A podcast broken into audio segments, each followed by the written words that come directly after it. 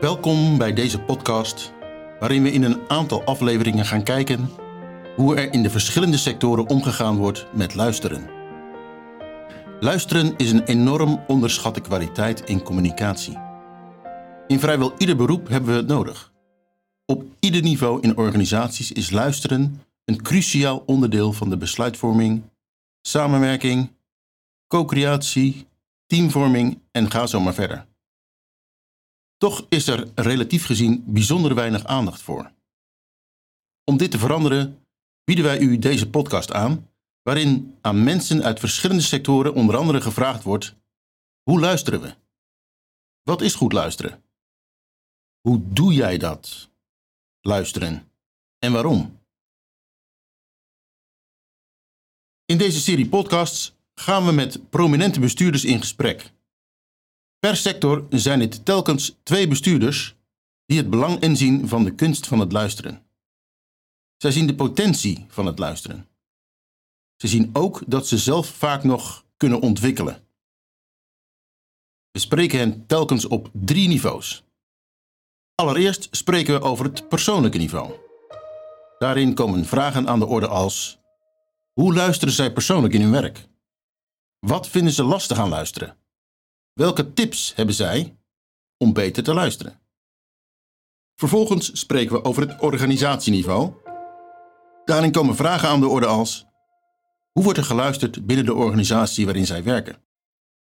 Welke functie heeft het luisteren binnen hun organisaties? En hoe kan luisteren daar nog verder verbeterd worden? Ten slotte spreken we over het sectorniveau. Daarin komen vragen aan de orde als: welk onderdeel van luisteren is voor iedere organisatie in deze sector van belang? Waar wordt er met name naar geluisterd in deze sector? Hoe kunnen organisaties binnen de sector beter luisteren? Het doel van de podcast is dat er een aantal inzichten naar boven komen over hoe er in de verschillende sectoren geluisterd wordt. Welke sterke en minder sterke aspecten komen in die sector naar boven? En wat kunnen de verschillende sectoren van elkaar leren? Ook de bestuurders in die organisaties binnen die sectoren kunnen hun voordeel ermee doen. Zo zullen de verschillende gespreksdeelnemers uit de doeken doen hoe zij luisteren en hoe zij omgaan met de lastige aspecten van het luisteren in hun sector of hun organisatie specifiek. Verschillende verrassende persoonlijke tips zullen ze niet onbesproken laten. Het idee voor deze podcast ontstond door de training luisteren die we in samenwerking met de Erasmus Universiteit Rotterdam ontwikkelden. In 2020, aan het begin van de coronapandemie, ontwikkelden we een online training gebaseerd op mijn boek Leiderschap in Luisteren. In de training leerden executives en professionals van en met elkaar op met name individueel niveau. Sommigen van hen wilden hun team ook meenemen in de kunst van het luisteren en volgden samen met hun team de training. Een enkeling was zover dat de wens en de focus ook opkwam om in de gehele organisatie een luistercultuur tot stand te brengen. Nu zijn we dus betrokken bij een paar organisaties om te werken aan die luistercultuur. Deze steeds uitdijende omvang van individu via teams naar organisaties wekte mijn nieuwsgierigheid. Want zou het luisteren op sectorniveau niet ook aan bepaalde wetmatigheden onderhevig zijn? Wat ik me bijvoorbeeld afvroeg is of er misschien bepaalde patronen te onderkennen zijn in het luisteren binnen een bepaalde sector. Wordt er nu anders geluisterd binnen de Rijksoverheid dan binnen de bankaire sector? Deze nieuwsgierigheid was voor mij de aanleiding om op de Erasmus Universiteit een podcast op te nemen met bestuurders en leiders uit verschillende sectoren. Alle deelnemers zijn op de hoogte van het gedachtegoed uit het boek Leiderschap in Luisteren. Voor de luisteraars van deze podcast die hier meer over willen weten, neem ik jullie even mee. In het boek Leiderschap in Luisteren ga ik ervan uit dat je je hele leven lang beter kan worden in luisteren. Luisteren is zo complex en zo veelomvattend dat er altijd gebieden zijn waar je, wat betreft luisteren, jezelf in kan ontwikkelen. In het boek wordt als het ware een landkaart van ons bewustzijn opgebouwd. Een van de belangrijke kenmerken van luisteren is dat je kunt verschuiven in gerichtheid. Je kunt luisteren vanuit drie gerichtheden, namelijk luisteren met een gerichtheid op jezelf, met een gerichtheid op de ander en met een gerichtheid op het groter geheel. Als je gericht bent op jezelf, kun je je ook bewust worden van je eigen innerlijke staat. Ben je hevig geëmotioneerd, dan luister je anders dan wanneer je innerlijk rustig bent. In gerichtheid op jezelf kom je in contact met jezelf. Je wordt je bewust van je innerlijke staat. Dat kan zijn in contact met anderen, maar ook als je alleen bent. Je wordt je bewust van je energiehuishouding, je behoeftes, je emoties, je overtuigingen. En als je ze kent, kan je pas kiezen om je er even niet op te richten, maar te richten op de ander. Wanneer je je bewustzijn richt op een ander, leer je wat de ander je te vertellen heeft. En daardoor kun je leren van de ander. Met de gerichtheid op de ander kan je daarnaast die ander helpen om bewust te worden. Door terug te geven wat je hoort, kun je als het ware een spiegel zijn voor de ander. Zo wordt die ander, naar wie je luistert, zich meer bewust van dienstbehoeftes, emoties en overtuigingen. Het grotere geheel is de wereld waarin de spreker en de luisteraar zich bevinden. Dit is de context van het overkoepelende doel waarvoor je luistert. Hoe meer jij en je gesprekspartner loskomen van jullie ruis van eigen behoeftes, emoties en overtuigingen, hoe makkelijker de gerichtheid op het grotere geheel wordt. Als je gericht bent op het grotere geheel, kunnen jullie je gezamenlijk richten op het gemeenschappelijke hoger doel. Bij alle drie die gerichtheden zijn er signalen waar je naar kan luisteren. Signalen waar je naar kunt luisteren zijn energie, aandacht, behoeftes, emoties, overtuigingen, het onbekende en stilte. Als je luisteren definieert als het laten binnenkomen en verwerken van die signalen, dan mag het duidelijk zijn dat het luisteren niet alleen met je oren plaatsvindt. Je kunt bijvoorbeeld naar emoties luisteren met je gevoel. Of naar energie kun je luisteren met je gehele lichaam. De verschillende signalen en gerichtheden maken het mogelijk dat je op zeker zeven verschillende wijzen kunt luisteren. En al die zeven niveaus hebben alle een eigen uitdaging in de vorm van een specifieke soort ruis, die het luisteren belemmert. Het luisteren kan zich verplaatsen van gesloten luisteren naar steeds meer open luisteren, met steeds minder ruis. Ten eerste kun je zelfgericht luisteren naar jouw energiehuishouding. Bij zelfgericht luisteren is de geslotenheid maximaal. Je bent gericht op je eigen innerlijke doel. Je bent uit contact met de ander en luistert eigenlijk niet naar een ander. Dit kan zijn omdat je geconcentreerd met een handeling bezig bent. Het kan ook zijn dat je helemaal in contact bent met je innerlijke belevingswereld. Bij zelfgericht luisteren ben je gericht op zelfzorg. De ruis op dit niveau ligt met name op energietekort. In de gerichtheid op jezelf bewaak je je eigen energiehuishouding. In de gerichtheid op de ander bepaal en bewaak je jouw grenzen. In de gerichtheid op het grotere geheel probeer je zelfkennis te verkrijgen, zodat je het niveau van zelfgericht luisteren kunt loslaten. Ten tweede kun je dubbelgericht luisteren naar jouw gerichtheid. Bij dubbelgericht luisteren ben je gericht op zowel jezelf als de ander.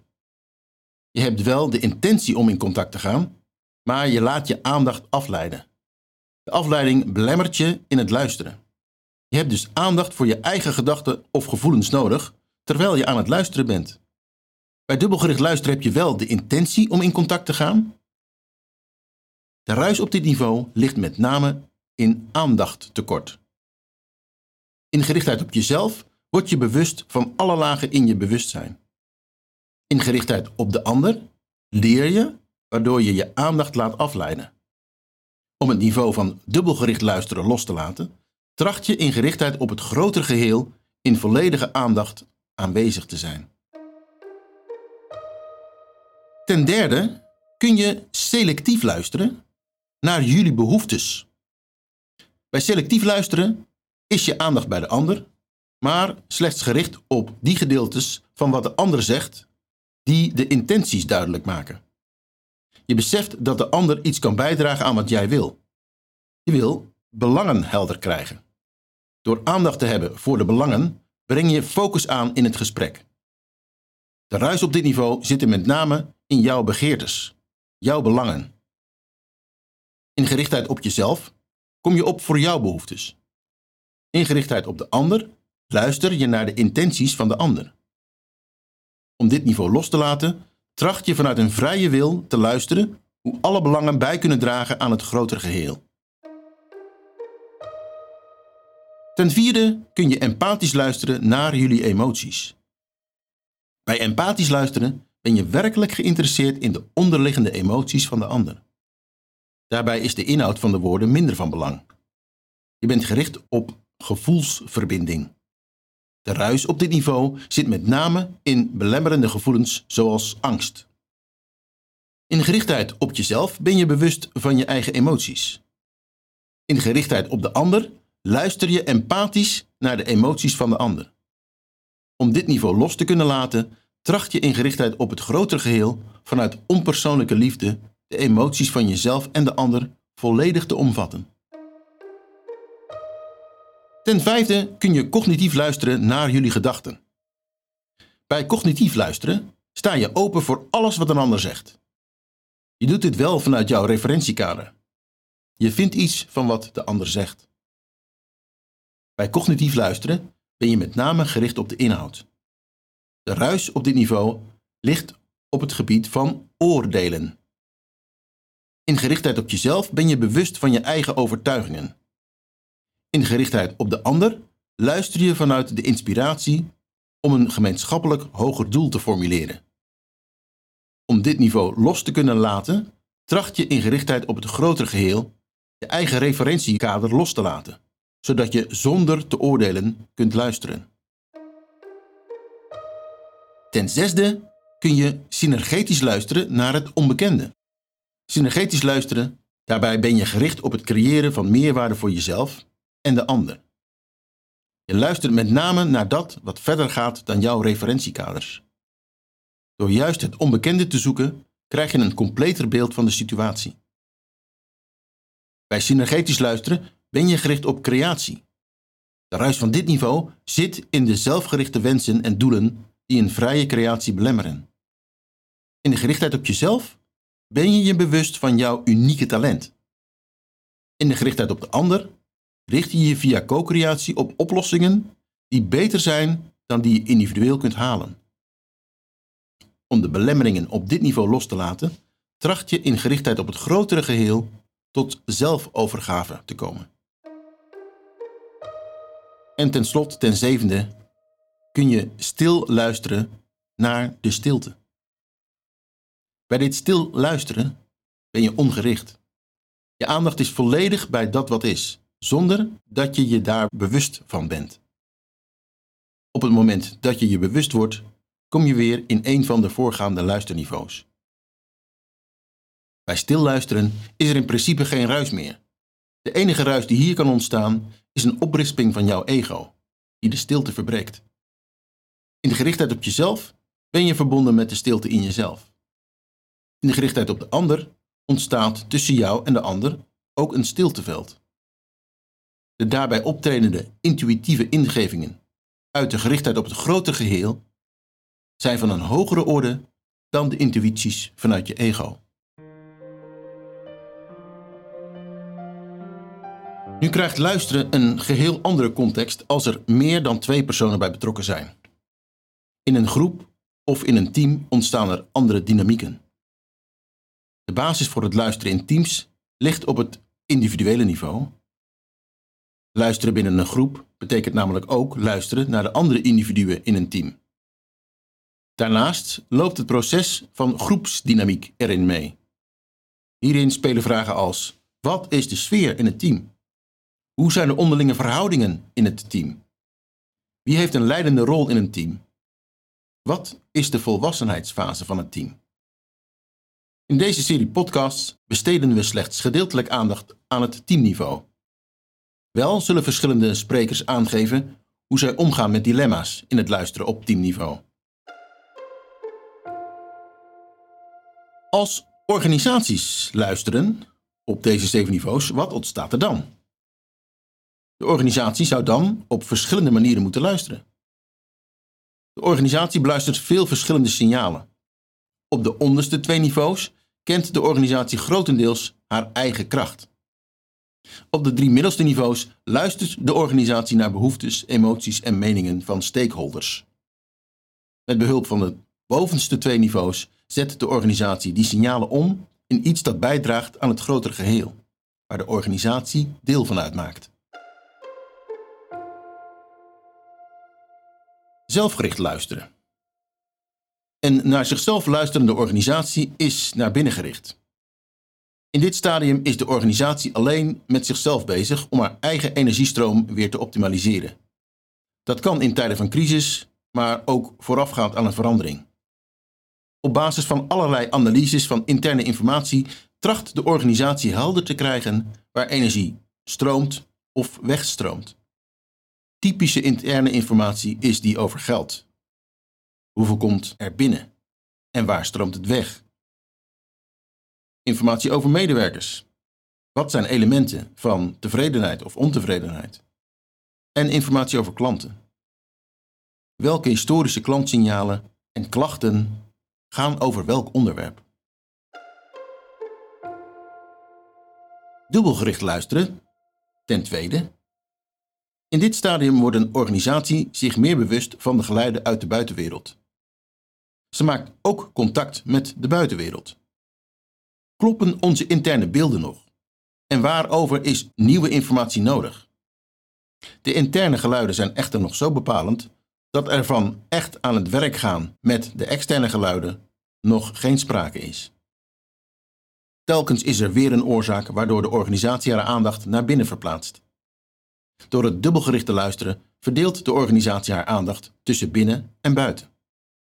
Dit gaat door totdat de beelden helder zijn en ze met voldoende aandacht naar buiten kan treden. Ten derde, het selectief luisteren. Dat selectief luisteren gaat over het vervullen van behoeftes. In organisatietermen spreken we dan vaker over belangen. Met een helder belang gaat de organisatie in contact met de buitenwereld. Welke belangen spelen er in de buitenwereld, waar wij ons aan willen aanpassen? Welke interne processen moeten zich daarbij aanpassen? Welke interne belangen houden deze verandering tegen? Een stakeholdersanalyse is een goede manier om selectief te luisteren en in contact met de buitenwereld een verandering in gang te zetten. De organisatie draagt met die verandering zorg voor het vervullen van ieders belangen. Ten vierde empathisch luisteren. De ingezette verandering zorgt voor beroering bij stakeholders. Als de organisatie empathisch luistert, dan krijgt ze antwoord op de volgende vragen. Welke emoties worden in de buitenwereld opgeroepen door zaken vanuit de organisatie, zoals beleid, prijsstelling, klantbehandeling enzovoorts? Hoe kunnen wij de emoties van de buitenwereld zo positief mogelijk laten zijn? Maar ook, wat zijn de emoties die in de organisatie spelen? Welke interne emoties kleuren het zicht op de externe emoties? Via hun emoties geven stakeholders uiting aan tevredenheid of ontevredenheid over de organisatie. Ten vijfde cognitief luisteren. Op het cognitieve luisterniveau spelen twee belangrijke factoren: het imago en de blinde vlek. Aan de ene kant spelen er beelden en overtuigingen over de organisatie in de buitenwereld. Dat noemen we imago. Welke visie, strategie en communicatie voert de organisatie die deze beelden en overtuigingen in stand houden? In het beste geval komen het imago en dat wat de organisatie wil uitstralen met elkaar overeen. Aan de andere kant spelen er overtuigingen in de organisatie. Als medewerkers gekleurd zijn door die overtuigingen, kan een organisatie moeilijker objectief naar de buitenwereld luisteren. Zo'n overtuiging kan bijvoorbeeld zijn dat klanten nu eenmaal gemakkelijk zeuren. Om objectief naar de buitenwereld te luisteren is bewustzijn op die blinde of dove vlek nodig. Ten zesde, synergetisch luisteren. Synergetisch luisteren door organisaties richt zich op vernieuwing. Luisteren naar unieke geluiden uit de buitenwereld zorgt voor vernieuwing, voor creatie. In co-creatie met de omgeving geeft de organisatie vorm aan het doel van de organisatie. Daartoe gaat de organisatie in dialoog met de stakeholders. Op dit niveau is het contact met de stakeholders steeds gelijkwaardiger. Organisatie en stakeholders werken vanuit hun eigen positie samen aan het vormgeven van het hoger doel. Daarbij is er erkenning voor ieders unieke rol en inbreng. En tenslotte het stille luisteren. Is er ergens een plaats in de organisatie waar er stil geluisterd wordt? Een plaats waar men geen last heeft van eigenbelang, angsten en overtuigingen. Waar men luistert naar wat de wereld echt te zeggen heeft. Alle behoeftes, emoties en ideeën zijn er welkom. Daar wordt ruimte gemaakt voor initiatieven die vorm moeten krijgen als oude vormen niet meer voldoen. Daar staat men open voor het onbekende dat zich wil openbaren. Als organisaties op zeven niveaus naar stakeholders zouden luisteren, zouden dan alle luisterproblemen opgelost zijn? Helaas is dat maar het eerste deel van de oplossing. Want net als bij mensen kan er op verschillende niveaus ruis aanwezig zijn. Pas als de ruis voldoende opgeheven is, kan een organisatie werkelijk in verbinding treden met wat de omgeving haar wil vertellen. Om dat te kunnen, moet de organisatie zich niet laten verblinden door de ruis. Zij moet de ruis los kunnen laten. Daar is een integrale aanpak voor nodig. Een toewerken naar een open luistercultuur. In een open luistercultuur is er bewustzijn op en wordt er geswitcht tussen de verschillende luisterniveaus. Leiders in zo'n cultuur scheppen in ieder team de condities om op zoveel mogelijk niveaus te kunnen luisteren. Dat vereist allereerst van die leiders dat zij zelf openlijk werken aan versterking van hun luistervaardigheid. Door hun voorbeeld werkt iedere medewerker aan vermindering van zijn eigen ruis en aan versterking van zijn luistervaardigheid. Gelukkig kan een organisatie daaraan werken. Een organisatie kan verschillende interventies plegen om beter te luisteren naar klanten en overige stakeholders. Een voorbeeld van zo'n interventie is het trainen van medewerkers om op zeven niveaus te luisteren naar de klant en naar elkaar.